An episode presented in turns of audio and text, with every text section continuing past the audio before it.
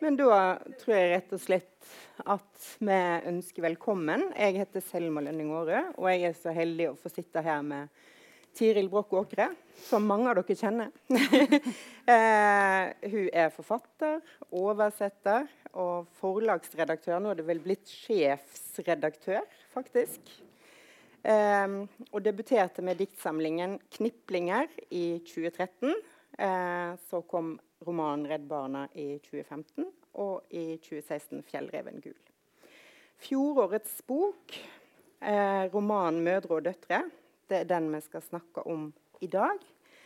Eh, dette er en fortelling om sorg og om kjærlighet, om det å være pårørende. Og så er det historien om ett om de 593 selvmordene som ble begått i 2017. For den sommeren så tok mor sitt eget liv. Eh, og hun hadde vært syk i mange år og innlagt flere ganger. Og da hun døde, så hadde hun permisjon fra sykehuset, der hun skulle få hjelp for angst og depresjon og selvmordstanker. Eh, boka den har fått en strålende mottagelse, blitt nominert til Ungdommens kritikerpris.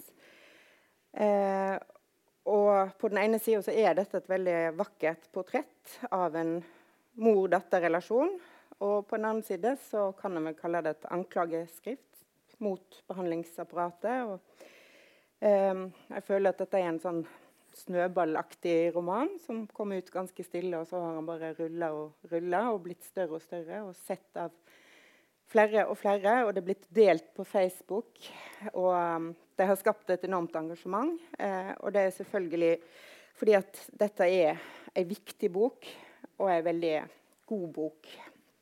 Eh, og Tiril, velkommen, må jeg først si.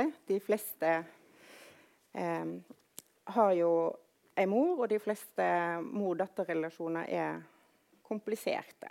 Eh, og før vi begynner å snakke om din mor og ditt forhold til henne og hennes historie, så tenkte jeg kanskje at du skulle få begynne å lese litt. Sånn at vi blir litt kjent med mammaen din. Ja. Her er det jo også på utsiden av boken bilde av Dette er jo mamma og meg og søsteren min. Og her har hun jo også Jeg var litt frista til å ta det bildet fordi hun hadde knytblus. Så det var lite, en liten hilsen til Sara Danius.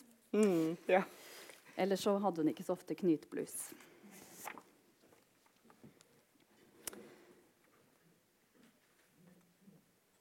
Så jeg leser litt fra åpningen, der jeg forteller litt om, eh, om eh, mor, eh, hvordan jeg tenkte om moren min i oppveksten. For jeg, min mor og far ble jo skilt da jeg var veldig liten, jeg, og jeg vokste opp hos faren min.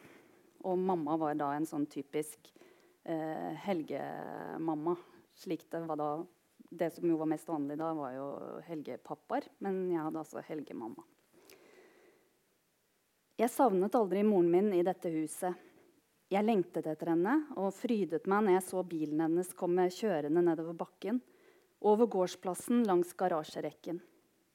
Så steg hun ut med en liten knekk i knærne, smalt igjen døren, gikk nedover gangstien med det spretne ganglaget i trange jeans og tennissko eller korte skjørt og flate sandaler. Hvit bomullsbluse. Mamma. Så myk og snill og morsom. Jeg forgudet henne. Men hun hørte ikke hjemme i dette huset. Hun hørte hjemme i de forskjellige leilighetene hun flyttet inn i og ut av, der jeg var hver torsdag og annenhver helg. Hun hørte hjemme i bilen og sydenturene vi var på. Hun hørte hjemme i de daglige telefonsamtalene der jeg fortalte henne om alt som skjedde meg, og vi lo, og jeg gråt og fikk trøst. Telefonstemmen hennes var hverdagens mor for meg. Jeg visste ikke om noe annet. Jeg ville det ikke annerledes. Jeg hadde ikke en sånn mor som ropte hallo og møtte oss barna i gangen når vi kom hjem, som stekte retter jeg aldri hadde hørt om i ovnen, bar frem forseggjorte fødselsdagskaker, fylte hyllene på badet med alle de små glitrende sakene sine. Moren min var aldri med på barnefødselsdager. Heller ikke på 17. mai-feiringer eller julaftener. Men det var bare slik det var i min familie. Jeg syntes aldri det var noe rart med det. I vår baderomshylle lå barberutstyret til faren min. Den røde tuben med tykk perlemorsaktig krem, Kosten, høvelen. Det var barberkosten jeg lot som jeg sminket meg med foran speilet. Det var barberkremen jeg brukte som vidundersalve på dukkene. Ja. Som dere Ja. Eh, så du vokste på en måte opp med en eh, sånn eh, omvendt, ganske omvendt rolle enn de fleste andre eh, skilte familier på 70-tallet? Helt omvendt, vil jeg si. Eh, og du tenkte aldri at det var rart? Jo, ja, jeg, det, jeg, tenkte jo at det var uh, annerledes, men uh, jeg, det visste jeg jo. Jeg vokste jo også opp på Oslo vest, og det var veldig mye sånn tradisjonelle familiekonstellasjoner. Det var, det var selvfølgelig noen som var skilt, men det var ikke så mange. uh, og det var i hvert fall ingen andre som bodde hos faren sin. Da. Så det var jo veldig annerledes fra det jeg hadde rundt meg. Men for meg var det jo helt vanlig. og jeg jeg var jo mest da bare veldig stolt av moren min. ikke sant? Altså, det, hun var jo en som liksom kom og hentet meg på skolen. og da var det sånn der, På vinteren så lagde vi jo sånn der rutsjebane hvor vi bare sklei ned og ble sånn isete. Der satte hun seg liksom og rutsja ned. Dette ja. syntes jeg var veldig kult. da. Alle vennene mine syntes hun var kjempekul. Og, ikke sant? Jeg, ja. Hun jobbet i reklamebransjen, og jeg fikk være med på reklamefilmfestival i Cannes. Og det var jo og sydenturer. Du fikk dra til Syden, ikke minst? Ja, jeg var veldig mye i Syden. Jeg har vært så ekstremt mye i Syden. Jeg har, vært, jeg har ikke tall på hvor mange ganger jeg har vært på Mallorca, f.eks. For fordi at hadde jo, de hadde jo sånne her charterturselskaper som kunder. Og da fikk vi, vi komme gratis til, til uh, steder. Så Mallorca har jeg sikkert vært på kanskje 10-11 ganger. jeg vet ikke. Så er det en plass så... i boka der du sier til mor di at uh, 'jeg får vel aldri komme meg til Syden mer i mitt barneliv', jeg. ja, ja. Uh, og da uh, bestiller ja, mor di sporenstraks en sydentur. Ja, for da syns jeg det var litt lenge siden vi hadde vært i Syden. Og det var da sånn typisk sånn hun kunne gjøre at når jeg sa liksom sånn Nei, kommer vel aldri mer til Syden. Da, ja, nei, Det syntes hun var så morsomt, så da ringte hun og bestilte. Eh, så det er jo, og, ja. det er jo den eh, av mor som er sånn eh, veldig eh, festlig og glad og foretaksom. Mm. Og liksom sånn som en tenker eh, At dette må ha vært et veldig flott menneske. Mm. Um, og vi snakket litt i stad jeg og deg om at uh, boka heter 'Mødre og døtre i flertall'. Ja. Eh, og da tenkte jeg at det måtte ha litt med å gjøre at eh, denne mora gjennomgår ulike faser på en måte og forandrer seg. Så det er, det er på en måte flere mødre. Mm. Eh, og så er det en plass litt lenger ute i romanen enn der du leste fra. Så går du på oppdagelsesferd i huset ditt, og så finner du et par tøfler mm. som du etter hvert skjønner har tilhørt mor di. Ja. Fortell litt om ja, nei, det. Det er sånne um, utrolig sterke minner jeg har fra jeg var liten. Da, at jeg, jeg, var jo sånn nysgjerrig Per som skulle grave Det var jo sikkert alle når de var små. Grave rundt i huset. ikke sant? Så var det jo, sånn var det jo når du var liten, at det var jo steder i huset du ikke hadde vært. Hele tiden var det jo små kriker og kroker og steder. Så jeg gikk og lette sånne steder. da, Og da var det en gang jeg lette da inn i et klesskap med sko og gravde fram. Eh, og så lå det bakerst der et par tøfler som var sånn skinntøfler helt sånn 80-70-80-talls. Som var helt sånn slitte, og som var akkurat samme type som faren min hadde. Men uh, bare mindre. Og da skjønte jeg var sånn hva, hvem, hvem, tilhører dette? Hadde jo faren min en ny kjæreste, og sånn, men jeg skjønte at det kunne jo ikke være hennes. For, for jeg hadde jo aldri sett henne gå med dem. Og sånn. Så da, og da spurte jeg pappa uh, hvem, det, ja, hvem er dette sine. Nei, det var mamma sine. Og da var det som en sånn Fram til det så var det jo ikke liksom jeg, så var Det jo ikke uh, det at min mor og min far hadde vært sammen, det var liksom ikke noe som jeg hadde skjønt. Eller at, jeg, at hun hadde bodd i det huset i det hele tatt. Det helt, uh, så, så, da fikk jeg en sånn aha-opplevelse av at du hadde eh, stått med vaskebaljen og hengt opp At hun hadde vært en sånn med dame med tøfler, det hadde jeg jo heller aldri sett. da. Nei. Altså, det, Hun var virkelig ikke en dame med tøfler seinere. Men hun hadde jo vært en moren da, som, liksom, og, som også da var veldig sånn Hun var jo veldig flink med håndarbeid og sånn, så hun hadde jo liksom sydd julekalender til søsteren min og liksom sydde klær og lagde mat og var flink til det. Og hadde jo vært en veldig sånn huslig dame, da. Men ja. den kjente jo ikke jeg. Den uh, kjente jo ikke du, men du har jo et veldig fint Og jeg har det her, jeg hadde nesten lyst til å lese det nå når du likevel sa det sånn, for det, jeg syns det er en av de vakreste tinga som står i boka. Da jeg var liten, var moren min en som kunne rydde opp i undertråden i symaskinen når den vaset seg. Hente opp masker jeg mistet når jeg strikket. Jeg visste at det bare var å gi håndarbeid til henne, og så ordnet hun det. Men så ble hun også den vasete undertråden i livet mitt. Hun ble masken som falt av, og ble et, eh, og ble et hull alt jeg strikket kunne rakne rundt. Um, og det er jo veldig, um, veldig sterkt, på en måte, for det uh, du, du, opplever da at mor di forandrer seg. Mm. Totalt. Altså, det er jo det jeg prøver å beskrive der, er jo den der fra altså at jeg virkelig var uh, Jeg stolte så totalt på henne ikke sant, da jeg var liten. Altså, hun var virkelig den tøffeste og snilleste. Jeg kunne kommet gjennom med alt. Uh, vi var jo veldig nær. Jeg kunne snakke med henne om alt. Hun var interessert. Og hun liksom ordnet opp i alt. Altså, hun var jo sånn, Søsteren min ble mobbet på skolen. Hun bare inviterte til foreldremøte og bare ritsj-ratsj ordna opp i ting. Uh, altså, han, jeg, altså, hun liksom bare, Og vennene sine hjalp hun ikke sant, gjennom alle kriser. Eh, det var liksom ikke den ting hun ikke kunne ordne opp i. Så, så det var liksom bare ringe mamma, og så ble ting bra, liksom. Så, og hun var liksom så sterk, og hun ville jo også gjerne være det. ikke sant? Så, og jeg tror liksom også den, Det var jo den moren hun ville være også, ikke mm. sant? Den som, hun hadde jo selv hatt en mor ikke sant? Med, som hun måtte passe på og sånn, skjerme mm. mot faren, da, som ikke var, var Som var jo Altså utøvde vold da, i barndomshjemmet. Mm. Så hun ville jo virkelig ikke være en Det siste hun ville, var jo å bli en mor som vi måtte passe på. Ja. ja. ja men hun, ja, hun, hadde på en måte den rollen som du sier, med seg hjemmefra. At hun skulle ordne opp. Ja. Og hun Også, var virkelig tøff òg, ikke sant. Og, ja, altså, ja. Men, det, men når begynte du å skjønne at dette ikke var Nei, altså det var jo opplevelser fra barndommen altså hvor det var eh, Det kunne jo være liksom opprivende ting i barndommen òg. Så det var veldig mye sånn kaos rundt henne. og Hun, kjæreste, hun var jo gift og hadde kjærester, og da var det veldig mye sånn krangling og opprivende ting.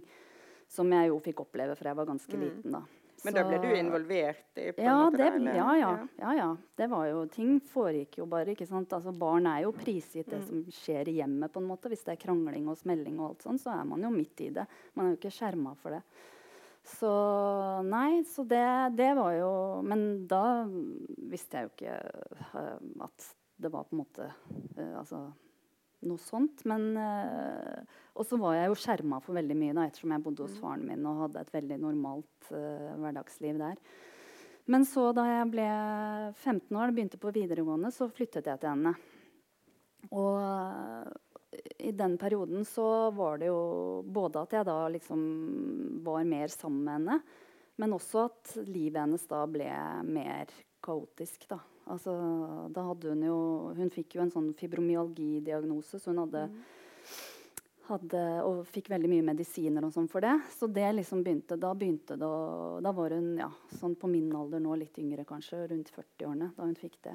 Mm. Og da begynte det jo liksom å ja, helsa liksom begynte å gå nedover. Og da begynte nok ting å bikke litt. da. Og hun hadde en kjæreste som var veldig alkoholisert, og da ble det mer liksom Ja. Så, så da oppdaget jeg jo Og da ble jeg jo mer utsatt for henne som liksom svingninger og, og, og ting som jeg ikke skjønte, da. Så, så da skjønte Da ble, ble det jo veldig mye mer vanskelig. Og da flytter du etter hvert så flytter du til Paris for å studere. Ja, nei, Det var jo ganske, jo lenge etterpå. Ganske lenge etterpå ja. men, men, ett år har ja. liksom hatt så mange ja. opprivende telefonsamtaler og sånn. tenker at nå så sier du til Modi at nå er jeg allergisk, du har fått telefonskrekk, så du kan bare kommunisere per brev. Ja. Ja, hun var veldig intens på? Hun hadde jo bi, bipolar lidelse, da, så hun kunne være veldig intens og masete og ringe veldig mye. Uh, og det Og da kunne det jo være sånn Ja, men jeg vil jo bare høre stemmen din. Men det er akkurat som når man har den der bindingen, så er det jo bare, aldri bare det. Det har jo liksom en undertekst at hver samtale opplever man som ja, men at liksom alt skal tilgis. Den, liksom, kjærligheten skal overvinne alt. Altså, stemmen din Det å bare høre stemmen din er at stemmen din må være sånn. En total bekreftelse på at du elsker meg uansett.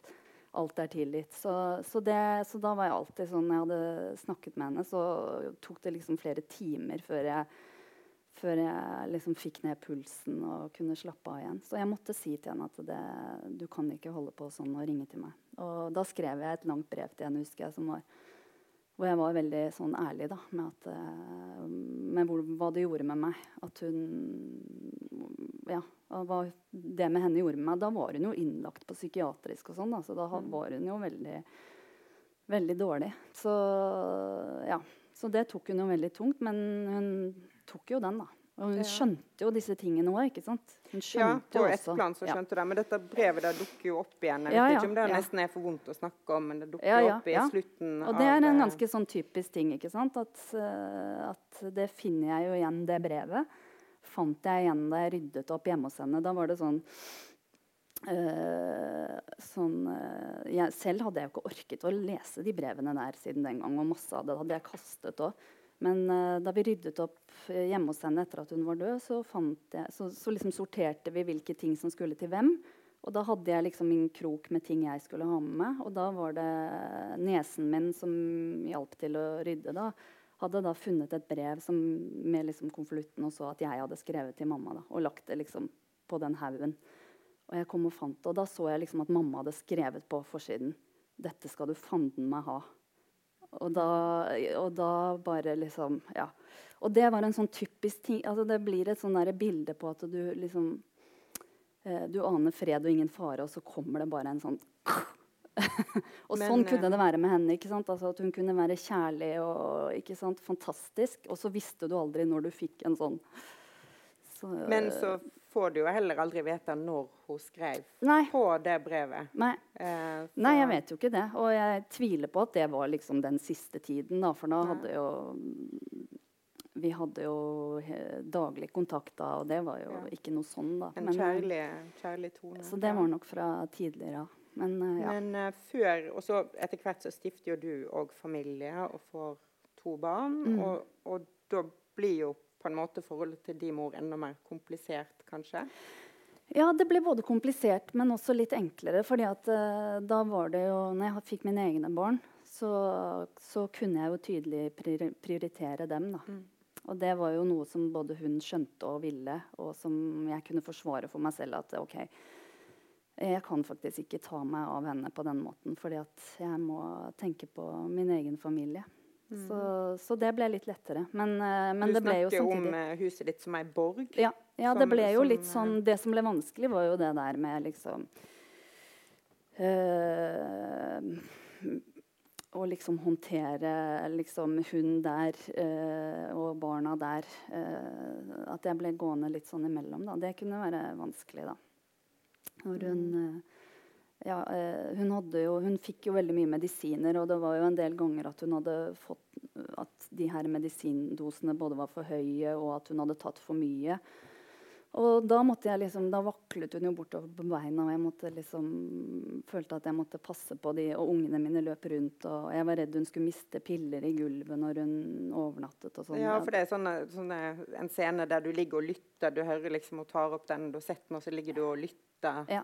Og hvis det faller noe inn i, på gulvet, så må du ile inn der før ungene står opp for å ja. finne den. Det, det, ja. det, er jo litt fælt å fortelle om dette, men grunnen til at jeg vil fortelle det, er jo også for å vise hvordan det er å være, dat, altså være nær pårørende til noen som, som er syke på den måten. da. Uh, liksom realiteten i det.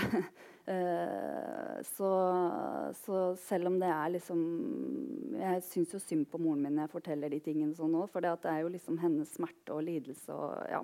Men samtidig så er det litt viktig at folk skal skjønne hvordan det er, da.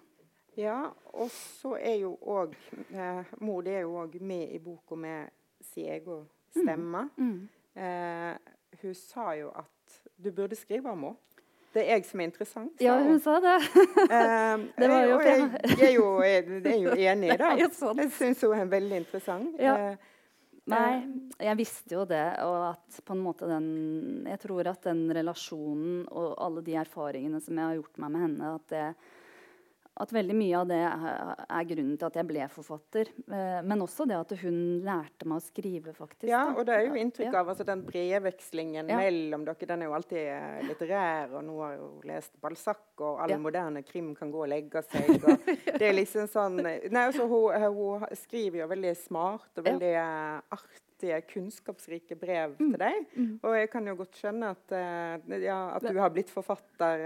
Ja, altså jeg tenker sånn Eh, det er jo så masse fint med ja. den relasjonen, og så masse intelligent. Ja. Altså, hun må ha vært en veldig veldig skarp dame. Hun var en veldig skarp dame. Så det var eh, Det er jo det som er liksom tragisk og vondt med eh, det hele òg. Det var jo at hun var liksom sånn Altså hun var et sånn multitalent. da, Utrolig smart. Hun var jo på universitetet, jobbet på universitetet.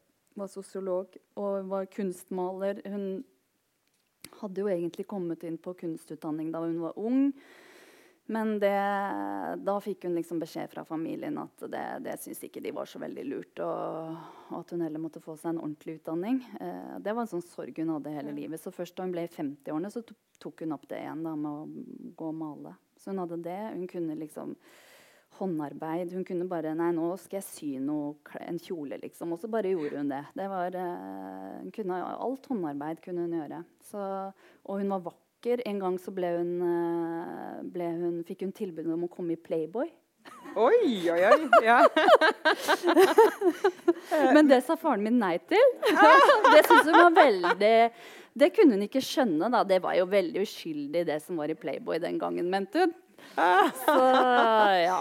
Nei, hun hadde jo Hun hadde jo Hun var jo en veldig Ja, veldig vakker og flott dame. Eh, så liksom hun var sånn uh, helt spesiell. Så, men, uh, og kunne jo skrive og alt dette der. Og hun ja, lærte det, meg da å skrive ja. og var veldig opptatt av litteratur. Og, og, hun var jo virkelig den som heiet på at jeg skulle bli forfatter. Altså, jo, hun var jo min liksom, mest iherdige leser. Hun leste bøkene mine og streket under og sendte meg meldinger med analyser. og ja, så det var liksom noe vi hadde sammen. Men jeg hadde jo da passa meg ikke, Det er jo ikke så mange mødre i mine tidligere bøker. Det, jeg har ett mm. dikt i den første uh, diktsamlingen som heter bare M og P. Og det er liksom sånn uh, litt om moren og faren min, da. Uh, og der er det liksom bare en, en vind i tomt passasjersete ved siden av faren min.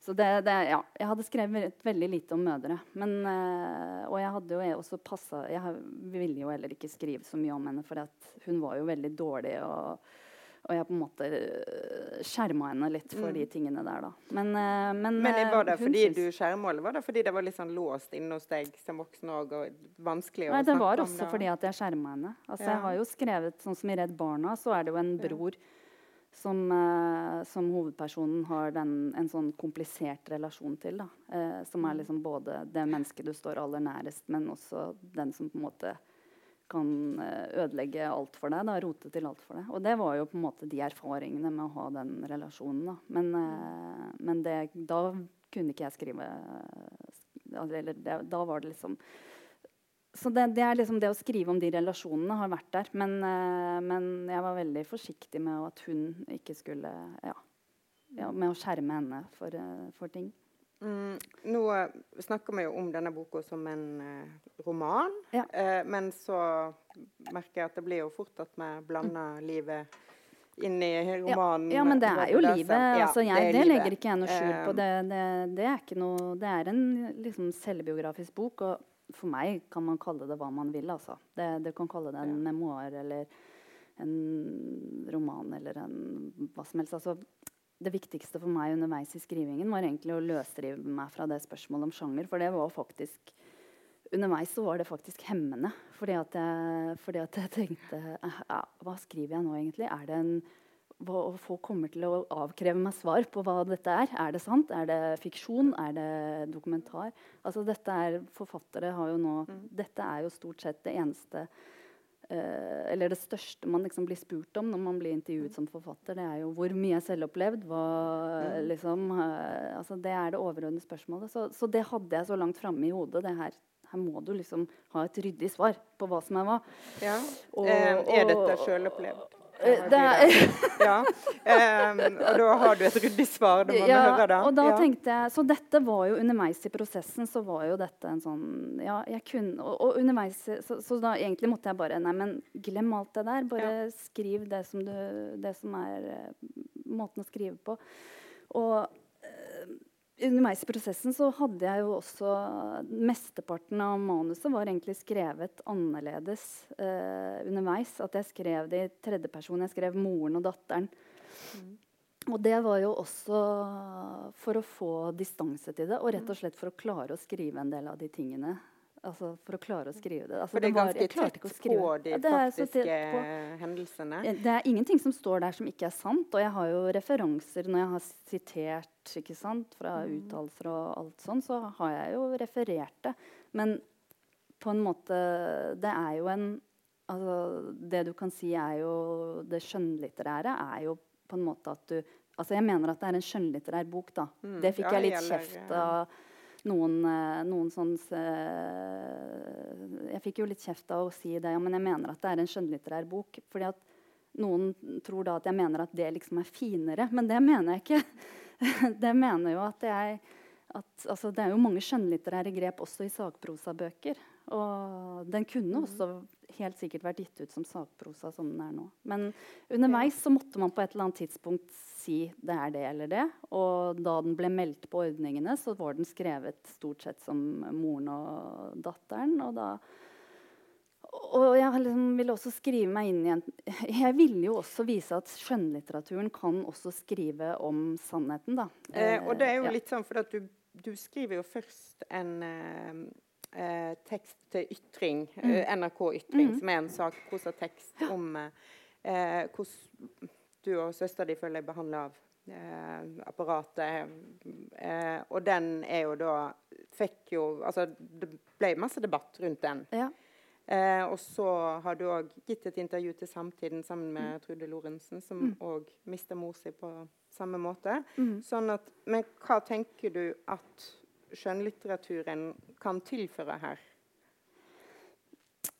Ja, det er jo ikke noe sånn eh, kort, kort sagt, men ikke sant? Altså, det er jo eh, Det ligger jo i på en måte og, og mm, jeg må ta et forbehold med alt jeg sier nå, om at det er ikke sånn at når jeg sier dette, så betyr det at det, sånn kan man ikke gjøre det i sakprosasjangeren, for det kan man så visst. Men, men uh, for meg er det jo språket. uh, liksom, det er jo språket mitt om, om komposisjonen uh, som på en måte tegner et portrett da, av moren min. Eh, og jeg mener jo og, og, og jeg har liksom sånn Jeg leste jo f.eks. Eh, alle pasientjournalene hennes. Der har de alltid noen sånne Alltid på pasientjournaler så står det først en kort sånn kort oppsummert hvem er denne pasienten. Eh, og da står det sånn ikke sant? Hun er sosiolog, hun er kunstmaler, hun har et godt forhold til døtrene. Det er veldig sånn skisseaktig, da. Og jeg tenkte at alle de beskrivelsene av henne i journalene eh, var veldig Det var liksom én sjanger.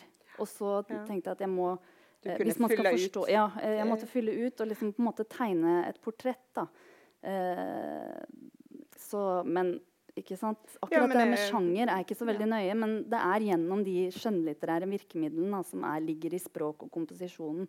Så jeg kunne jo ha skrevet liksom eh, en artikkel og skrevet noen av de samme tingene, men, jeg, men det ligger jo liksom i eh, ja, virkemidlene, da. Eh, Så- men hvis vi sier at du kanskje har masse til felles med erindringsforfattere, da, som f.eks. Eh, Joan Didion, som var det første jeg tenkte på når jeg leste denne boka, som òg mm. skriver om sorg, både mann og datter, og mm, på en litt annen måte, så har du, eh, viser du til en forfatter i boka di som heter Mary Care, mm. som sier at alle erindringsforfattere de er som sånne hunder etter sannheten og etter fakta, og de graver seg liksom inn eh, Eh, og, og du sier òg på en måte at etter mor di sitt dødsfall så ble du og søstera di som en havarikommisjon.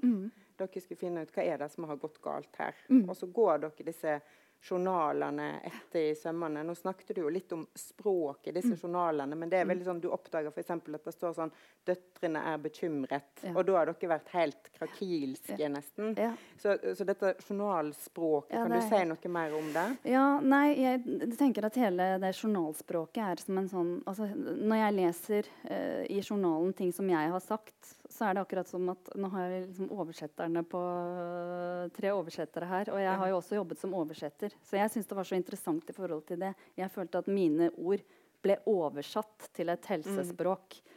Uh, og i det språket så ble jo alt uh, liksom krympa ned. bagatellisert. Mm. og det tenkte jeg at det var såpass drøyt, syns jeg, da. at Uh, at rett og slett mine, det som jeg sa, ble forvrengt inn i, inn i, journalen. Som på en måte skal være altså Det er jo noe av det viktigste redskapet som helsevesenet har da, til å forstå det mennesket og, som sitter mm. foran dem. Og, ja. Sånn at uh, Da var det jo bl.a.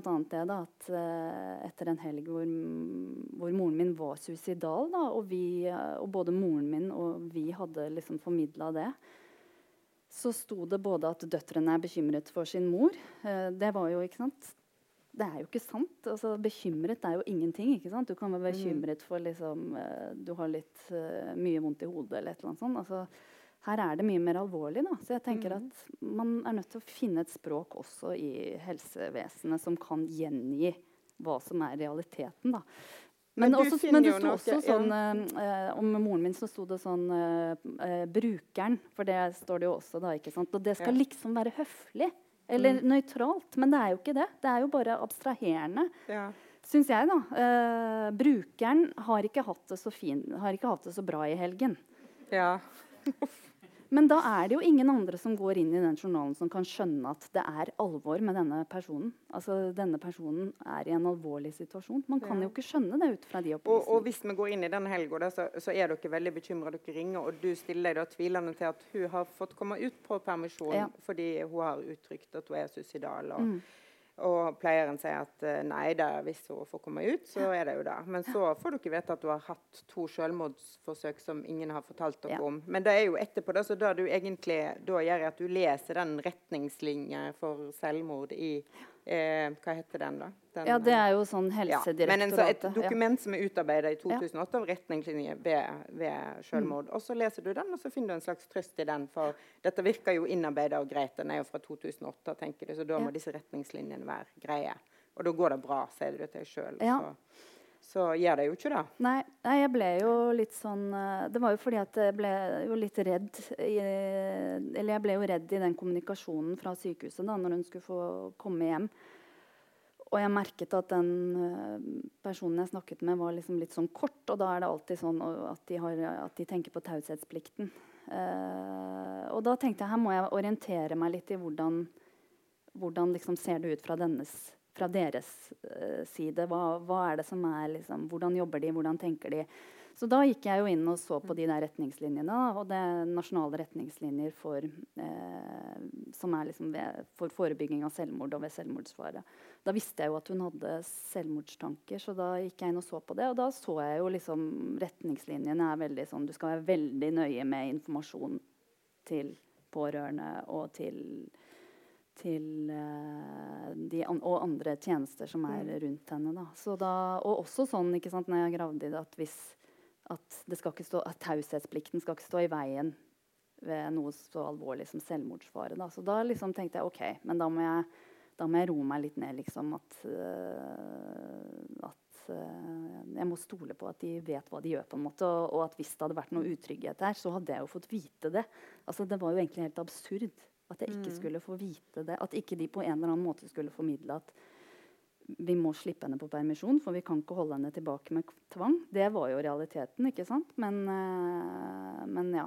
At den usikkerheten på en eller annen måte ble formidla. Og at de på en eller annen måte fikk sagt at Men, men uh, nå burde dere kanskje komme hjem fra ferie, eller ja.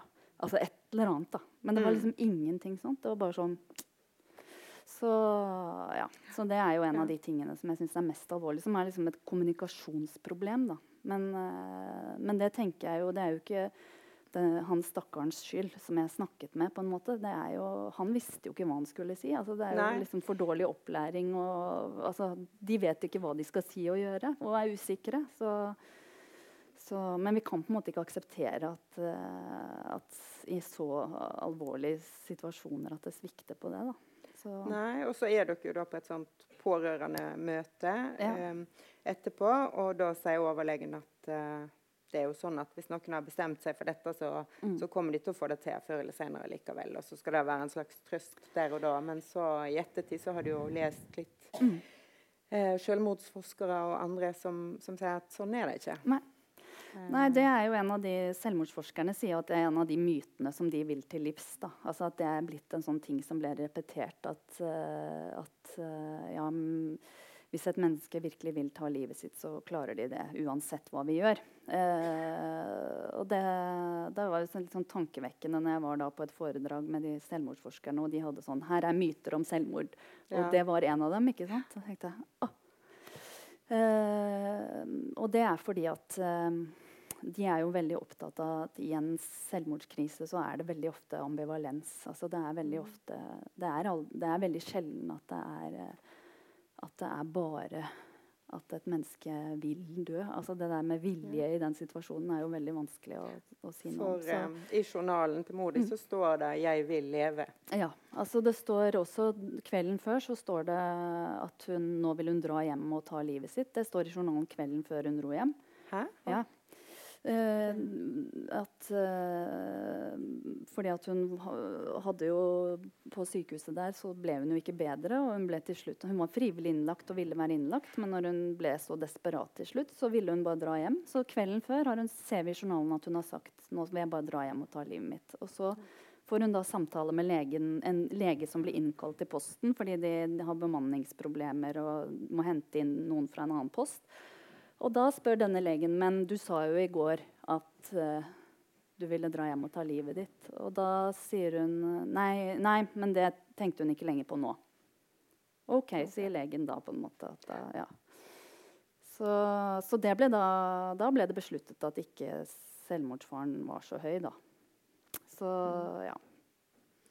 Men så um, har jo eh, du og søstera di prøvd å på en måte uh, irettegå dette systemet. Ja, ja og sånn. Og første gang du får en, forteller det til noen, så er det legen din, fastlegen din. Mm. Mens du er på gynekologisk undersøkelse. Vi trenger ikke gå lenger inn på det. Men Nei. så, Ja, det var du veldig, så Vi kan godt gå inn på det. Eh, det for det- det er et kvinne, det er liksom, ja, jo, men det er liksom men også- kvinnelivet i det. da. Den er jo en morsom scene fordi at eh, du tenker mens du ligger der og hårtystene til legen stikker opp mellom beina dine, at dette var en scene mamma ville ha likt Ja, for for det var så absurd. Og det, det er jo noe at jeg vil skrive om et kvinneliv. ikke sant? Altså at det er sånn Du skal på den der faste kreftprøven, og sånn tilfeldigvis så samme dag eh, hadde jeg bestilt time for det. Og så samme dag måtte jeg da forklare til legen hva som hadde skjedd, så jeg skulle få sykemelding. Så det ble liksom slått sammen, da. Så mens jeg hadde den undersøkelsen, så forklarte jeg liksom legen min hva, hva, at moren min hadde dødd, og hvordan hun hadde tatt livet av seg. Dette ble jo helt absurd, og det hadde jo moren min syntes var veldig morsomt. da. Ja.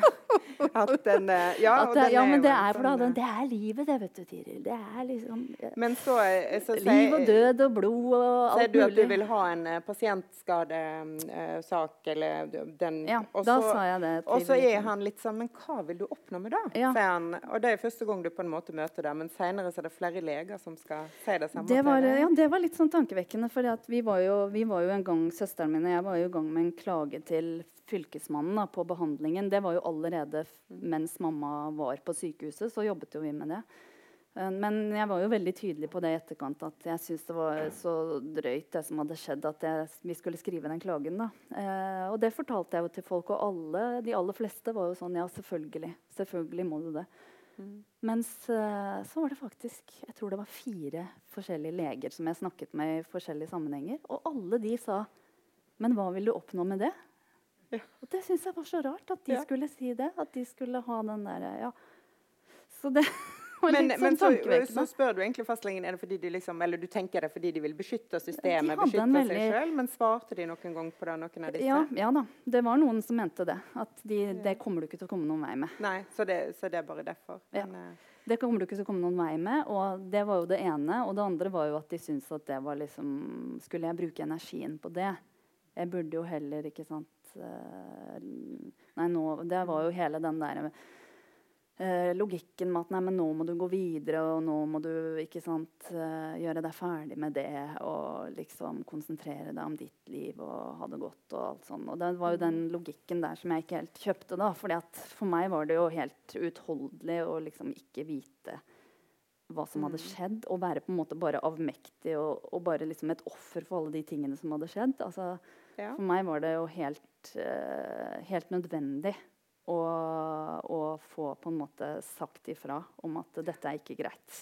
For du sitter jo da og retter komma og sjekker A-endinger hos forfattere, at Ja. de er konsistente, at A og E er konsistente. sånn at tenker Dette er bare en roman, Ja. og de har et menneske, og de slurver. Ja. Og jeg slurver ikke. Ja, ja det det, ble jo kanskje Skårderud litt sånn der arrestert Ble kanskje litt fornærmet meg i forrige uke når jeg snakket med han. og var sånn det, samtalen. Jeg begynte å si det at jeg som er redaktør syns det er veldig sl mye slurvete greier i dette helsevesenet. Ja.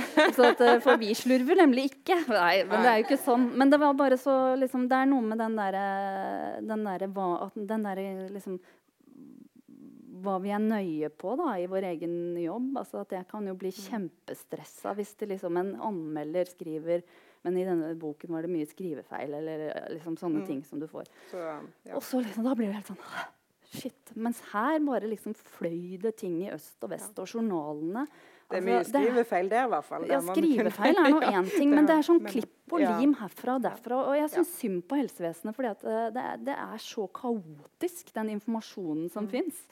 Eh, men også sånn, ikke sant, kommunikasjon og hvilken informasjon som går videre. Og, og, de, og dette er jo tross alt liksom helsevesen. Altså, det er snakk om liksom Ja, menneskers død, helse. Ja, faktisk. og da Ja. sånn at jeg, jeg, jeg Det var bare helt sånn sjokkerende. Og, og det som jeg sier da, ikke sant, når jeg skal sende en bok til trykk som redaktør, så ring, sånn som sender og dobbeltsjekker og ringer. Ja, fikk du beskjed om det? Fordi du vet at det er alltid viskeleken når det er flere mennesker involvert. Så du må dobbeltsjekke. Ble det gjort? Kom det fram? Ble det rettet? Ikke sant? Nå sånn, eh, den begynner vi å få der. veldig Ja, ja. dårlig tid, faktisk. Dette, For det er jo noe vi kunne snakket lenge for. Men jeg Ja. ville jo bare spørre deg om du tenkte at det var viktig, da, du som har, kan skrive, har ordet i din makt og har opplevd det du har opplevd. Tenkte du at det var din plikt Ja, det tenkte jeg. mm. Mm. å skrive dette? Mm. Og det tenkte jeg også for både de klagene og sånn, men også skrive det fordi at eh, Ja. eh, det eh, Ja. Og så, er det noe, for at Jeg kjenner ikke deg så veldig godt, men jeg har alltid tenkt at du er veldig ordentlig. Veldig, veldig ordentlig. Nå var det mange som ler, så kanskje Ja. du ikke er så ordentlig. Men jeg tenkte, det, har det noe med at du er redd for å ligne mor di? Ja, Altså, det har det jo også eh, vært. At jeg har vært Altså, jeg tror ikke liksom bare at vi blir forma ut fra liksom eh, relasjonen til mor, men, men liksom Jeg tror jo at deler av min personlighet har blitt forma i liksom i den der eh, spenningsforholdet til henne, da. Eh, sånn at jeg var jo, har jo helt siden jeg har vært liten vært veldig forsiktig og og eh, ja, ordentlig og sånn. Jeg blir ikke så ordentlig lenger nå som jeg var da jeg var mindre. Da var jeg helt sånn pertentlig eh, For det står at du av og til kan få et sånt glimt, eller se deg i speilet og se et glimt av noe Ja. eh, Av mamma, ja. Men så, men så det er jo det jeg har fra henne òg, da. Det er jo det at, at noe litt mer sånn fandenivoldsk og gutsete, da. Som hun har lært meg, og som jeg har liksom slipper litt frem, da. Mm. Og så er det jo sånn at Modi var jo kunstmaler, og hun lagde mange portrett av det. Mm. Nå har du lagd et portrett av hun. Ja, det tenker jeg. Eh, Og et dob men det er et, jeg var på den der fantastiske Munch-utstillingen som var her i Bergen, på Kode. Og der var det veldig mye sånn at Munch hadde jo portretter, men han hadde også mange dobbeltportretter. Og det syns jeg var så fint, det der at det er to skikkelser. ikke sant? For at det er Vi blir til i relasjon, da. Mm. Så, så jeg tenker jo at det er jo et portrett av henne, men det er jo like mye et portrett av meg. Ja. Mm. Men uh, hva tenker du at mor di hadde sagt om boka? Jeg tror at hun uh, hadde syntes at det var en uh, bra bok, og etter i hennes ånd. Og så liksom blir det en sånn hypotetisk ting, for det hadde jo selvfølgelig vært tøft å lese en del ting av det. Mm. Men, men eh, hun syns aldri at man skulle gjøre noe halvveis eller på en måte skrive noe som ikke var sannferdig og ekte. Så, så det, jeg har jo prøvd virkelig å skrive den i hennes ånd. Ja, og Ja. det skal du ha, Tiril, at dette har du ikke gjort halvveis. Mm. Det har, en, altså det har vært virkelig en eh, fantastisk eh, fin, vond, god leseopplevelse. Tusen takk for boka. Takk. Takk til alle som hørte på.